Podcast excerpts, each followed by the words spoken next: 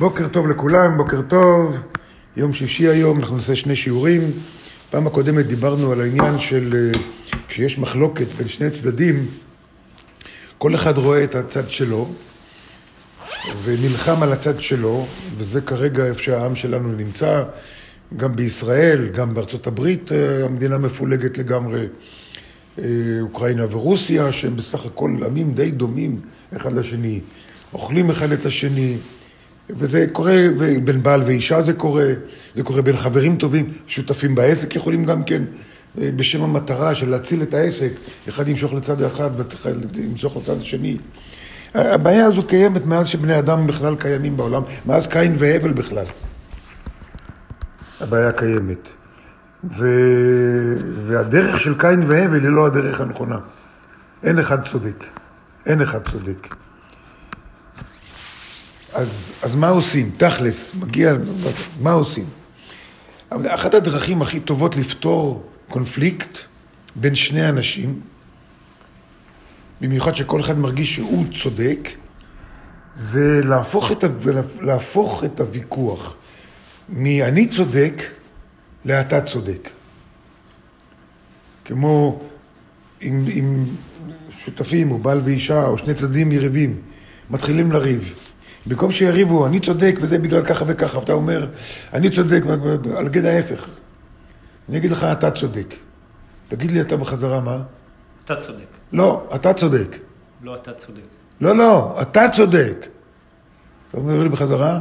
אתה צודק. יותר טוב, נכון. ואני עוד יותר מתעקש, לא, אתה, אתה צודק. אתה מדבר שטויות, אתה צודק. מה אתה אומר לי? לא, אתה מדבר שטויות, זה נכון, אתה אתה מדבר צודק. שטויות, אתה צודק, אני צודק.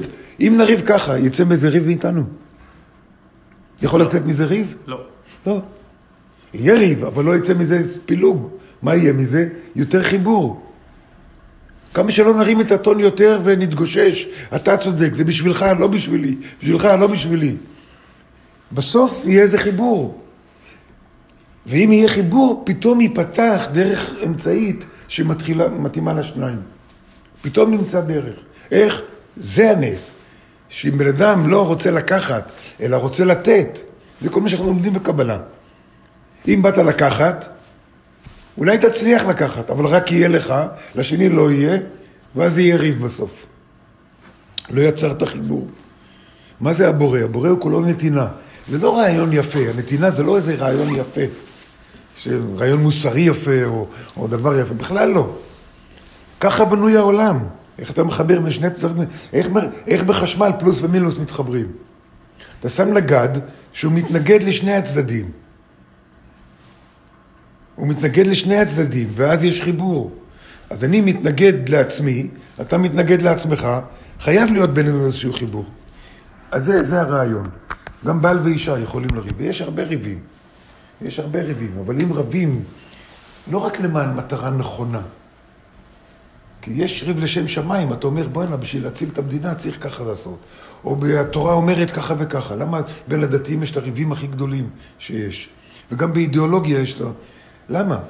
כי כל אחד חושב שהדרך שלו היא מה שטוב לכולם. אין דבר אחד שטוב לכולם. הדבר אחד שטוב לכולם זה האור של הבורא. הדבר אחד שטוב לכולם זה נתינה.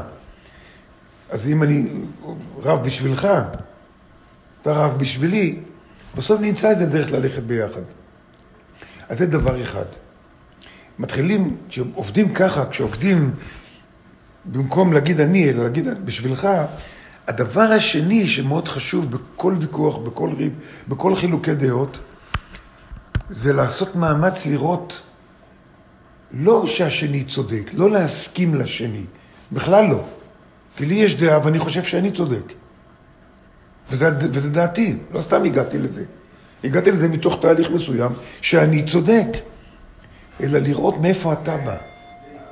לפחות, לפחות שהוויכוח בעיקר הוא מר וקשה, כמו בארצות הברית בין הדמוקרטים והרפובליקנים, לא מבחינה מפלגתית, זה תפיסת עולם, תפיסות עולם שונות והפוכות אפילו אחד מהשני. זה בסוף מביא להסתערות על הקפיטול ועל מי יודע לאן.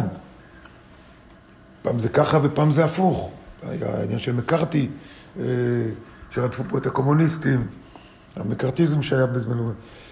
בארץ אותו דבר, יש שמאל וימין, יש דתיים וחילוניים, זה חילוקי דעות מהותיים. איך אפשר לפתור את זה? הדרך לפתור היא שהשני ירגיש, שאחד ירגיש את הכאב של השני. אני לא מסכים עם הדעה שלך, ממש לא מסכים. אתה חושב בדרך מסוימת, לא מקובל עליי בכלל. אבל אני רואה מאיפה אתה בא, אני רואה שכואב לך, אני רואה שאכפת לך, אני רואה שאתה רוצה בטובת מדינת ישראל. נניח אם זה ויכוח הזה או בטובת אמריקה או מה שזה לא יהיה. לבוא מהכאב שלך. ואני לומד את זה מילדים קטנים, לך יש ילדים קטנים, נכון? אני לומד את זה מילדים קטנים. ילד נופל, מקבל מכה, רץ להורים שלו, אה, נפלתי, נפלתי. מה הילד רוצה? מה באמת הוא רוצה? תשומת לב. כן, תשומת לב, אבל מה, בתוך התשומת לב, מה ממש הוא רוצה? הוא רק רוצה שאחרים ידעו שכואב לו. ברגע שאתה אומר לילד, כן, אני יודע, כואב לך. ת- תראה מהילדים שלך, כן, כואב לך, נכון, נפלת וזה כואב. זה, תודה רבה, רץ, ממשיך לשחק. רק הוא רוצה שאחרים ידעו שכואב לו, זה הכל. ככה גם בני אדם מבוגרים. אם אני אתחיל את הוויכוח, אני אגיד, תשמע, אני יודע מאיפה אתה בא, אני יודע שזה חשוב לך, אני יודע שזה בנפשך הדבר הזה, אני יודע שאתה חושב שזה דרך, דרך נכונה, במאה אחוז, אני יודע, כואב לך, אני מרגיש את הכאב שלך. אני לא, זה לא שלו, לא מתעלם. ואז אתה אומר לי, תשמע, אני יודע שלך כואב וזה, ואתה חושב הפוך ממני וזה, אבל אני רואה מאיפה בא, ואני רואה שאכפת לך. אכפת לך מהמדינה, או נניח אם זה ויכוח מדיני, או אכפת לך מה מה שזה לא יהיה. כבר פתאום הקיצוניות הולכת. כבר אני לא מפחד. למה נלחמים שני הצדדים? כל אחד פוחד שהשני ייקח ממנו יותר. למה? כי אני, מרג- אני אראה את החולשה שלי. לא, להפך, אני רואה שאתה חלש, אני רואה, אני מבין אותך, זה נכון. בוא, בוא נראה מה אפשר. ברגע שאין את הדבר הזה, ברגע שיש רצון טוב, יש דרך באמצע. הדרך באמצע זה לא פשרה, פשרה זה לא טוב, הרב לא אהב פשרות. יום אחד נדבר גם על העניין של פשרות.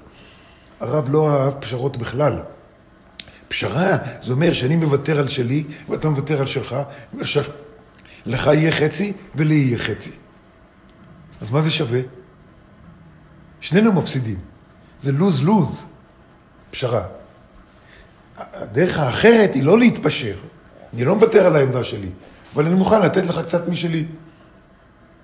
ואתה תיתן לי קצת משלך. כל אחד יקבל. אני אתן לך ואתה תיתן לי. זה לא שאני מוותר. אז הרעיון הוא, הרעיון הוא לפחות להרגיש את הכאב של השני, כאב אמיתי. זה גם מבחינה מדינית. אם הרוסים והאוקראינים היו מרגישים את הכאב הזה, אם אנחנו הפלסטינאים ביחד היינו מרגישים, זה חייב להיות הדדי. במקרה הזה זה חייב להיות הדדי. אם אין הדדיות, אין מה לעשות, אז אתה צריך ללכת בכוח. אם אין הדדיות. אבל אם יש, זה צריך להיות הדדי להרגיש את הכאב של השני. אז סיימנו פה שמונה ושמונה, שמונה דקות, שמונה, עשר שניות.